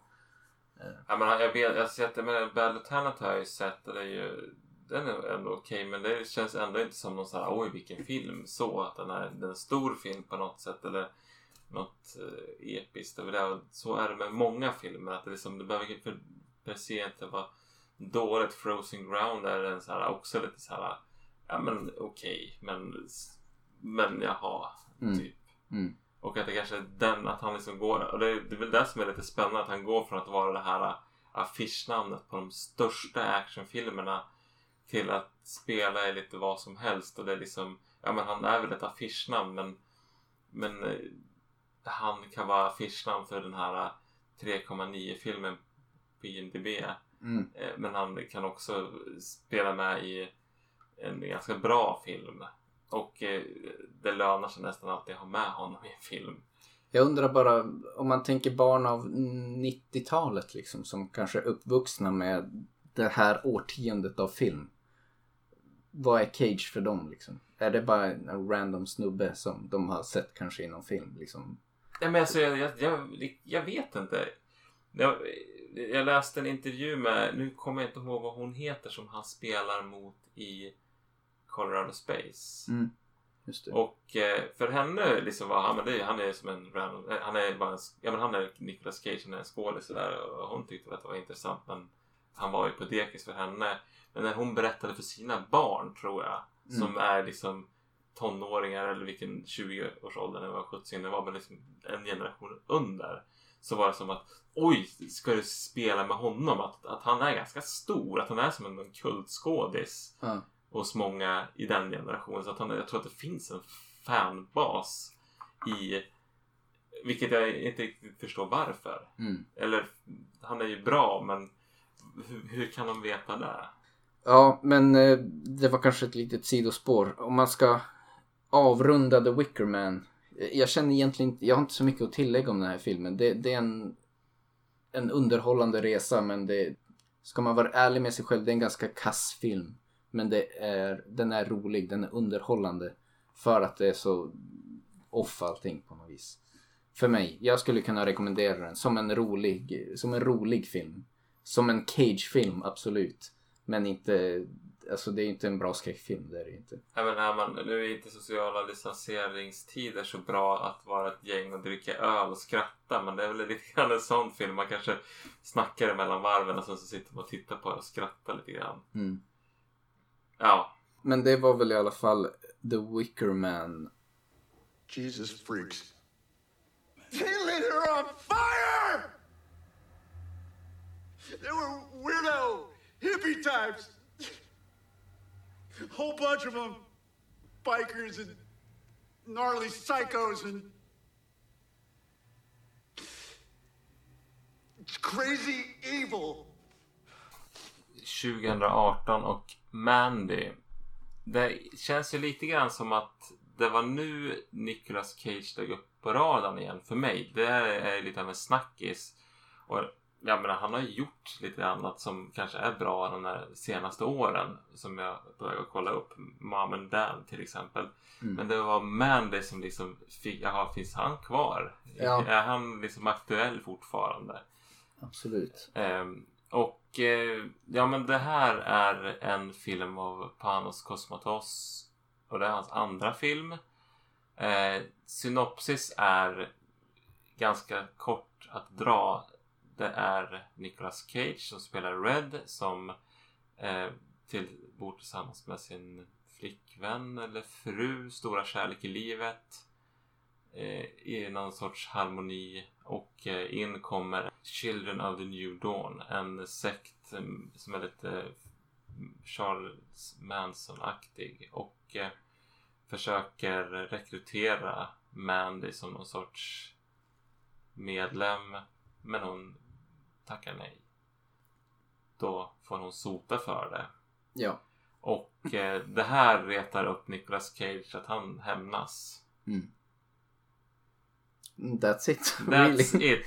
Det är, en, Det- det är en väldigt enkel hämndfilm liksom. Ja, det finns väl... Det är en del av Panos Cosmatos stil. Han har sagt att han, han tänker inte så mycket på att... Eller han vill inte tynga ner sina filmer med för mycket plott. Utan han känner att ja, men min plott när jag skriver en film det är för att jag ska liksom få, ja men ha mina, det, det är det som håller ihop mina set pieces eller mina, ja men jag vill filma olika saker som jag tycker är snyggt som jag vill ha ut på film Mm. och jag använder plotten för att föra berättelsen framåt. Alltså han, och han håller det väldigt enkelt och sen så är det väldigt så här, han har en tydlig bild av så här ska det se ut, så här ska det låta. Och han gör det bra. Det är ju en otroligt, otroligt snygg film. Ja, det. Det är ju... vi, jag tror inte, det är inte någon hemlighet. Vi har berört det i en del andra poddar lite här och där också. Men vi är båda stora fan av Mandy som film. Men det kanske är lite av en acquired taste. Vi pratade om i en tidigare podd i Turkiet-podden eh, Baskin. Som jag tycker det finns trådar av likhet här. Men just det här att det är mycket yta över innehåll. Det är liksom hur scenerna ser ut och musiken och, och bildspråket som fångar någon sorts känsla som får mig att gå igång. Men sen om man bara så här berättar för någon om vad filmen handlar om och vad som händer så är det är ganska tunn Det soppa är liksom en egentligen. axelryckning. Ja. Nej men det är liksom en, en känsla som han försöker få till. Och i den här filmen så är den känslan är ju liksom när man, plockar upp ett skivomslag med någon sån här hårdrocksband. Ja men det, som jag, det är ingen bra referens men jag tänker ju på Hellas som nu har släppt en ny skiva i år. Mycket den världen som de spelar musik i. Eller vad fan Iron Maiden för den delen. Eller Mm ja men Det är som den, den hårdrocks slash fantasy estetiken kondenserat i filmform. Och liksom bara, så har de bara slängt ut det i en film och slängt in lite grann plott för att fylla i liksom att det faktiskt händer någonting. Men det, det är det visuella som är grejen. ja. Och samtidigt så är det ju inte någon hårdrocksmusik i filmen. Nej. Det är väl någon gång man hör någon trumma och någon distig gitarr men det är inte det är mest synt. Mm. Och det är mycket rött och mycket lila och det är mörker och det är, sen så är det ju eh, också olika så här tecknade sekvenser som ser väldigt hårdrocksestetiska ut. Mm. Eh, men ja, man kan ju väl eh, börja filmens öppningsscen. Då får man se Red som en skogshuggare och man hör King Crimson eh, spela Starless från skivan Red. Mm. Eh, jättebra låt. Värd att kolla, kolla upp. Eh, om man får eh, som... Man är, de, de etablerar Nicolas Cage karaktär jäkligt bra tycker jag. Han så här, är så här sammanbiten och då ska de åka ifrån det här eh, hygget och han blir som erbjuden öl men han tackar nej. Men vad är? Han är, man, man får förstå liksom att han, men man, man, man förstår ju på hur han spelar att det här är en sargad själ Mm. som har liksom lever i någon sorts bräcklig harmoni med Mandys stora kärlek. Och eh, det framgår med väldigt stor tydlighet också att han nog är en nykter alkoholist Mm. som nu har lagt ner drickandet. Och det adderar ju till den här skörheten och, vad- och vad det lider så fattar man ju liksom att han har ju liksom ett något väldigt våldsam bakgrund med tanke på duktig han är på att ha ihjäl folk. Ja. Och att han har ett armborst undan gömt. Ja, eh, apropå temat i kvällen armborst. just det. Ehm, ja, men eh, ja, det är som första halvan av filmen. Då får man liksom följa ja, men, eh, Red och Mandy, deras relation som är väldigt ömsint och det är en harmoni. Och Mandy är någon sorts, hon är, känns också väldigt sargad och en sån som har varit med om en del och de har väl hittat varandra i det. Och de gör väldigt mycket med väldigt lite dialog. Alltså mycket det här som du berättar om dem som personer och, och som jag håller med om. Liksom, jag tror att det är spot on analysen. Men det, det sägs väldigt lite. Man får se saker. Ja, de visar och det är liksom små vinkningar och små liksom detaljer här och där som gör att man ändå förstår väldigt mycket mer än vad som uttryckligen liksom sägs. Jo, men de, här, när han kommer hem där så är typ göra någon slags knock-knock eller knack-knack-skämt. Mm. Som jag inte förstår. Och det känns som att det inte är meningen att man riktigt ska förstå det. Men hon förstår det. Mm. För att de har någon sorts speciell tvillingsjälsskap. Ja. Och hon sitter där och målar så man får ju också veta vad hon har för intresse. Hon läser flummiga rymdböcker och det är så här mysigt. Mm. Eh, Att det här utspelar sig som början på 80-talet eller 1983, samma år som jag är född. Och Ronald Reagan är på tvn och det, ja men det är så... Man får som väldigt mycket känsla vart de är. vad- Han kanske är någon gammal Vietnamveteran med tanke på vilken tidsålder det är i. och Sådär. Mm. Men eh, som du säger, det, är liksom, det, det sägs inte mycket i den här filmen. Man får ändå veta väldigt mycket om de här karaktärerna. Och vi kollade på deleted scene, så då var det en scen när det är en polis som retar Nicolas Cage med att prata skit om Mandy. Och jag förstår varför man tog bort det, för det behövdes inte. För man förstod redan att hon har varit med om en del. Kanske inte just det han säger, men Ja. man fattar ändå i djupet av hur hon spelar och är. Mm. Att de är två tvillingsjälar som är sargade, men har hittat varandra. Ja. Och det, som sagt, det är väl den första akten. Sen Ja. introduceras den här Jesuskulten då som Ja. så småningom ger sig på Mandy. Jesus freaks. Ja men de får ju liksom åka för, hon är ute och går i skogen och den här äh, kulten som har en kultledare som är väldigt lik Charlie Manson spelad av Linus Roach. Eh, ja, han heter Jeremiah i filmen. Och det här är ju någon så misslyckad musiker som är otroligt narcissistisk och skriver låtar om sig själv. Men inte riktigt slog igenom så han eh, typ, ja men skivbolagen är ju dumma i huvudet. Jag ska få ännu större rikedom och han har liksom han lyckas väl lura med sig folk genom den här lugnen om att han är Utvald av Gud. Utvald av Gud och ja men den här sekten är ju otroligt mycket sekt och det är ju verkligen, ja men de fångar upp folk lite genom Ja men man drogar ner dem och lurar väl in dem och en del är ju liksom med ganska frivilligt och tror ju på det här och gillar den här känslan av samvaro och någon sorts makt men det är också inom den här sekten är det ju det är jävligt våldsamt på något sätt. Mm. Det är liksom det är hela tiden outtalade hot. Mm. Och ibland är det ju som väldigt mycket psykisk misshandel. Och eh, ja, han använder väl den här sekten för att få sex och makt och bygga upp sitt ego. Eh, ja, men han vill ju ha Mandy och eh, när han står där och spelar sin musik och eh, visar upp sig naken och blottar sig. Ja, men det är klart du vill vara med mig och hon är helt neddrogad men skrattar åt honom och demaskuliniserar honom totalt. Det Så- faller inte i så god jord. Så han får ju ett nervsammanbrott och jag tycker han spelar ju fantastiskt bra. Mm. Eh, Jeremiah. Ja, nej men de dödar henne.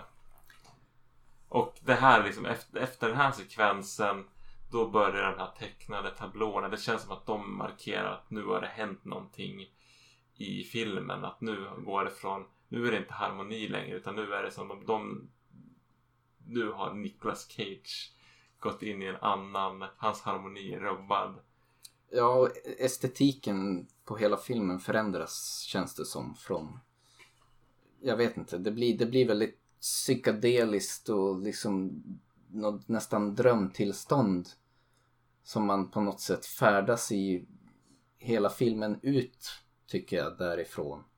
Där nu Red då som Nicolas Cage ska i princip utkräva hämnd för att han har förlorat Mandy och jagar efter den här Jesus eller ja, vad ska man säga, religiösa kulten då för att eh, men därefter är det väldigt weird allting men på ett positivt sätt. Men det är ju något sidospår med så här konstiga hårdrocksdemoner också som Som är typ hämtade från Hellraiser. Ja, som aldrig riktigt egentligen förklaras men det behövs inte riktigt heller. Men de... Nej men man, vad är de? De är väl någon sorts knarkkurirer som knarktillverkaren inte tyckte om.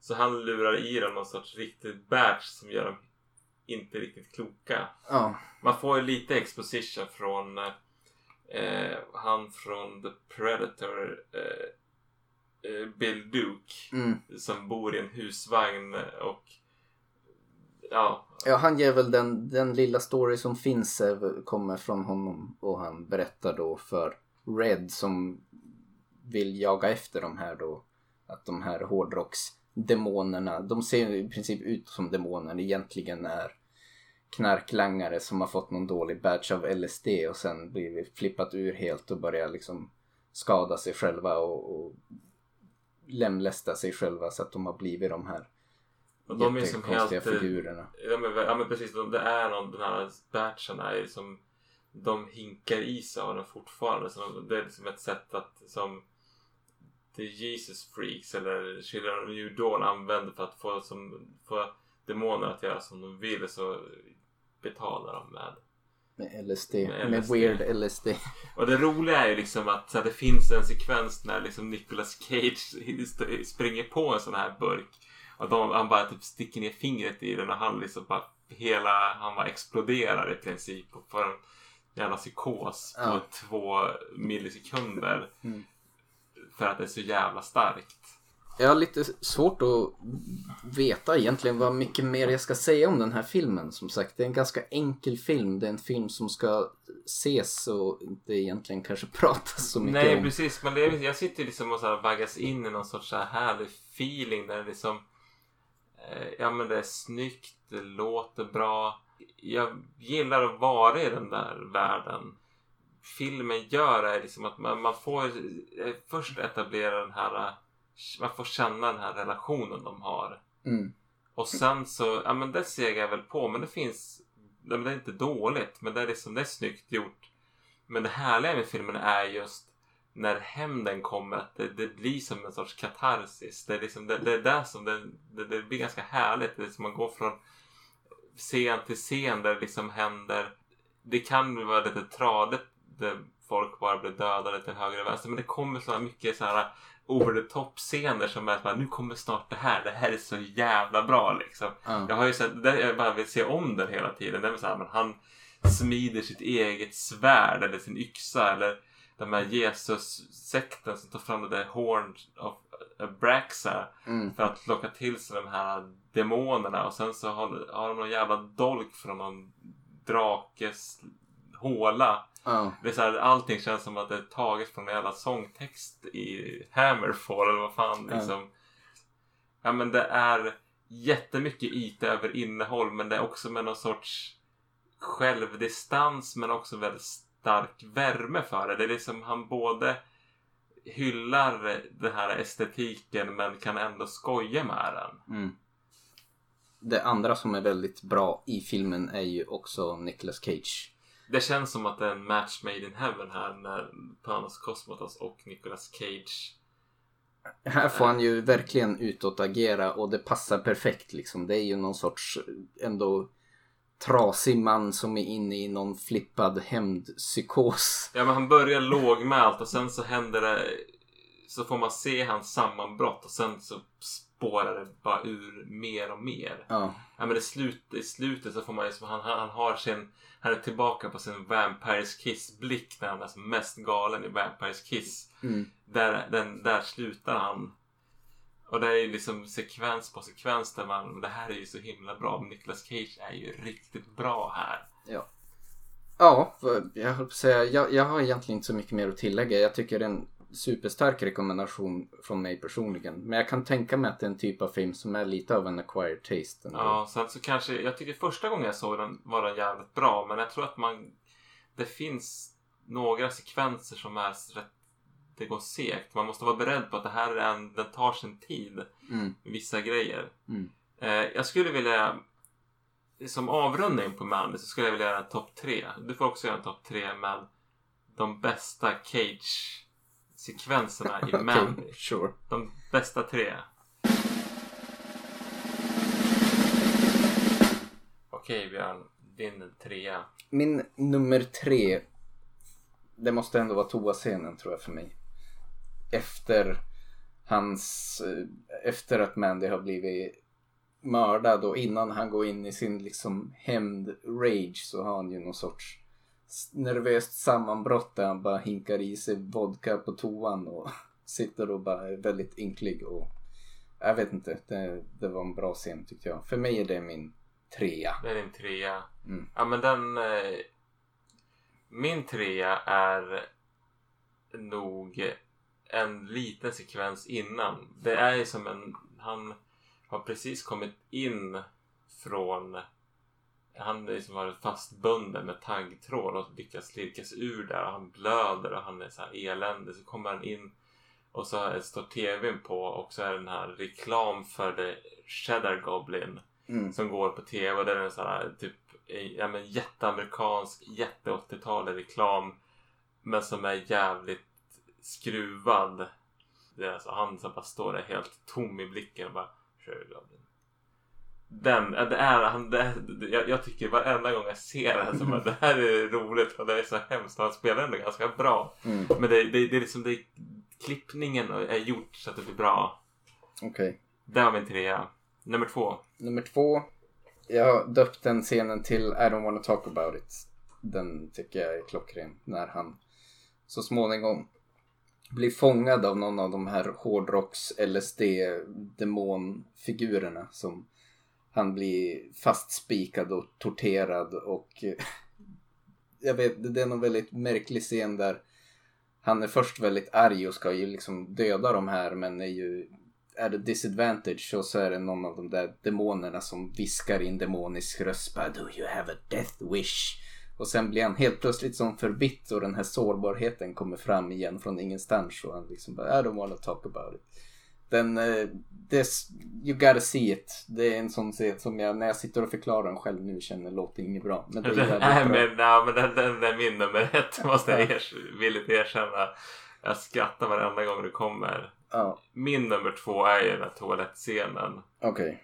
Där han bara vrålar, gråter, blöder och sen Ja. så kan han inte hälla i sig spriten tillräckligt snabbt som tvättar han av såren Ja. med spriten och så häller han i sig mer och skriker och skriker. Det var, den, är, alltså, den är också en väldigt snygg toalett. Liksom. Ja. Det, ja, det var min, min etta och tvåa. Det var din etta och tvåa. Då var vi inte helt överens. Jag hade eh, husvagnsscenen med den här snubben från Predator som jag tappar namnet på nu. Bill Duke. Bill Duke. så? Ja. När han berättar om de här demonerna. Men den, hela den scenen tycker jag är fantastisk. Där är liksom Ja, Nicolas han- Cage går nästan igenom hela registret av ilska och förtvivlan och uppgivenhet och i den här konversationen med honom som jag ja, det jag tyckte den, hela den scenen fantastisk, väldigt bra. Det fanns någon deleted scen som var lite extended där de har ännu lite mer snack med varandra. Som vi såg också som jag tyckte nästan, det, det hade kunnat få vara med för min del också. Jag tyckte bara deras dynamik med varandra. Ja men det, de jammade härligt. bra ihop tycker jag. Ja. Det fanns en, eh, ja men Ja, och jag tycker det här är också, jag gillar det här att de, de, de pratar en del men det, liksom, det finns också mer än vad som uttalas mellan dem. Mm. På ett sätt jag gillar. Ja, så det, det är min nummer etta. Men eh, vi är väl eh, ganska överens. Ganska men det. Ja, men det jag finns liksom den. många Det- bra Cage moments i den här filmen. Ja, vissa, ja men han går förbi något när han har slagit ihjäl en demon och han bara liksom tar upp en spegel och tar en typ stor skopa med kokain och snortar i sig. Ja. Många fina, man skulle kunna göra en topp fem utan problem. Mm. Man kanske kan bjuda på några av de där klippen. Vi, Ja. kan nog, vi kan nog hitta någonting att, att klippa in här för att avrunda vår diskussion om Mandy. Men vi kan väl i alla fall säga att det är en klar rekommendation från oss båda. Ja, det är en film som jag... En favorit som jag kommer se om många gånger.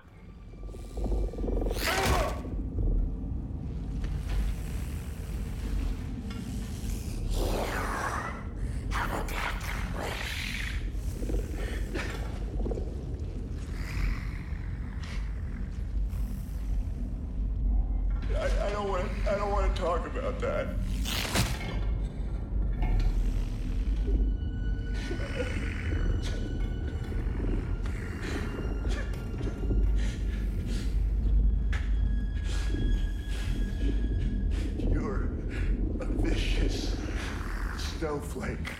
Ja, så det var alltså de fyra Cage-filmerna vi hade sett på för det här avsnittet. Eh, både högt och lågt får man väl säga i en karriär som innehållit både högt och lågt. Ja, jag tror att han med sitt mega-acting, han går ju så jäkla hårt in och när det väl han hittar sina filmer när det passar, då, då blir det bra. Då blir det riktigt bra. Och annars blir det nog gärna skevt. Ja. Och sen när det, alltså jag tycker 8 mm visar ändå att han kan spela ganska lågmält och göra det kompetent också. Men det är inte så här. Det är många andra som kan göra det också. Det det är inte, jag tycker inte han är utmärkande i de rollerna utan Nej, där, där han det med- sticker ut och där han verkligen Jag älskar att titta på Cage. Det är de här filmerna där han får flippa ur och det, liksom, det passar för filmen. Då, då blir det riktigt bra. Precis. Jag hoppas och eh, tror att det finns goda chanser att han kommer jobba vidare med Panos Cosmatos. Det skulle också vara roligt att, om, om han fortsätter arbeta med Richard Stanley. För jag tror att båda de regissörerna passar Mm. för hans spelstil ganska bra. Ja, men det känns som man har hittat, hittat en, en nisch i de här lite mer smala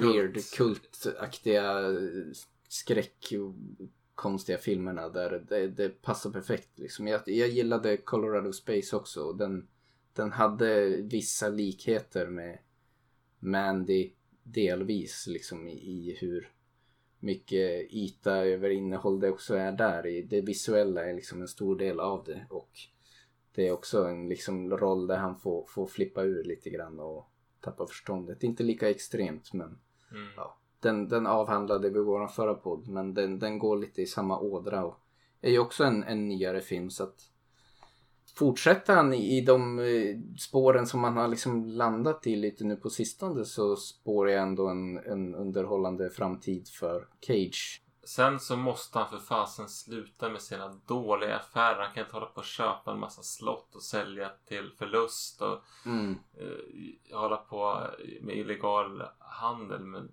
dinosaurieskallar. Ja, det har vi inte pratat så mycket om hans liv i övrigt i den här det podden. verkar- Men han har ju haft en... saker. Han är, han är lika eh, knäpp i verkligheten som på film verkar det som lite Ja. grann. I alla fall i hur han hanterar sina finanser som kanske också har gjort det här att han, han måste ta de roller som bjuds bara för att liksom Ja. klara sig ekonomiskt. Jag tror att en förklaring till att han har varit med i en del skitfilmer är att han kanske inte har råd att tacka nej till så mycket. Mm. Men, ehm, ja, men det kanske finns en framtid för Nicolas Cage.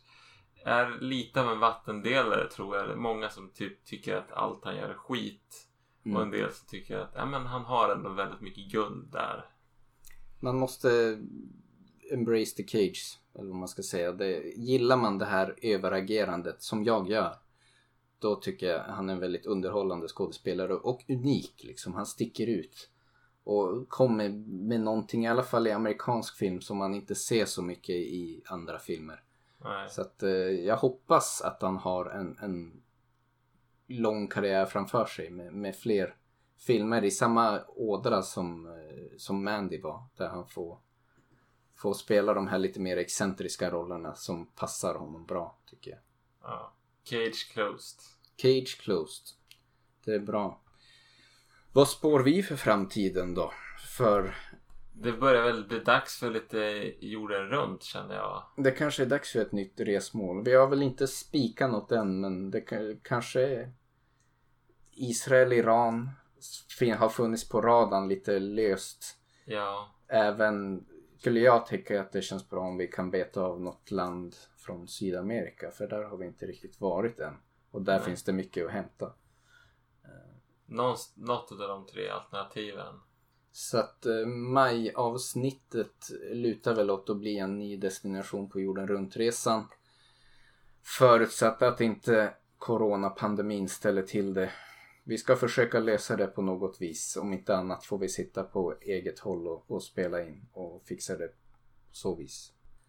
Vi hoppas att ni vill fortsätta lyssna och eh, att ni har det bra trots isoleringen och kan hålla förståndet intakt. För er som sitter hemma och inte kanske har det sociala umgänget som man är van vid. kan vara svåra tider men eh, Det finns alltid film. det finns alltid film. Här har ni har fått några nya rekommendationer här. Så får jag hoppas att det blir på återseende om en månad. Och vi säger tack för den här gången. Godnatt. Godnatt.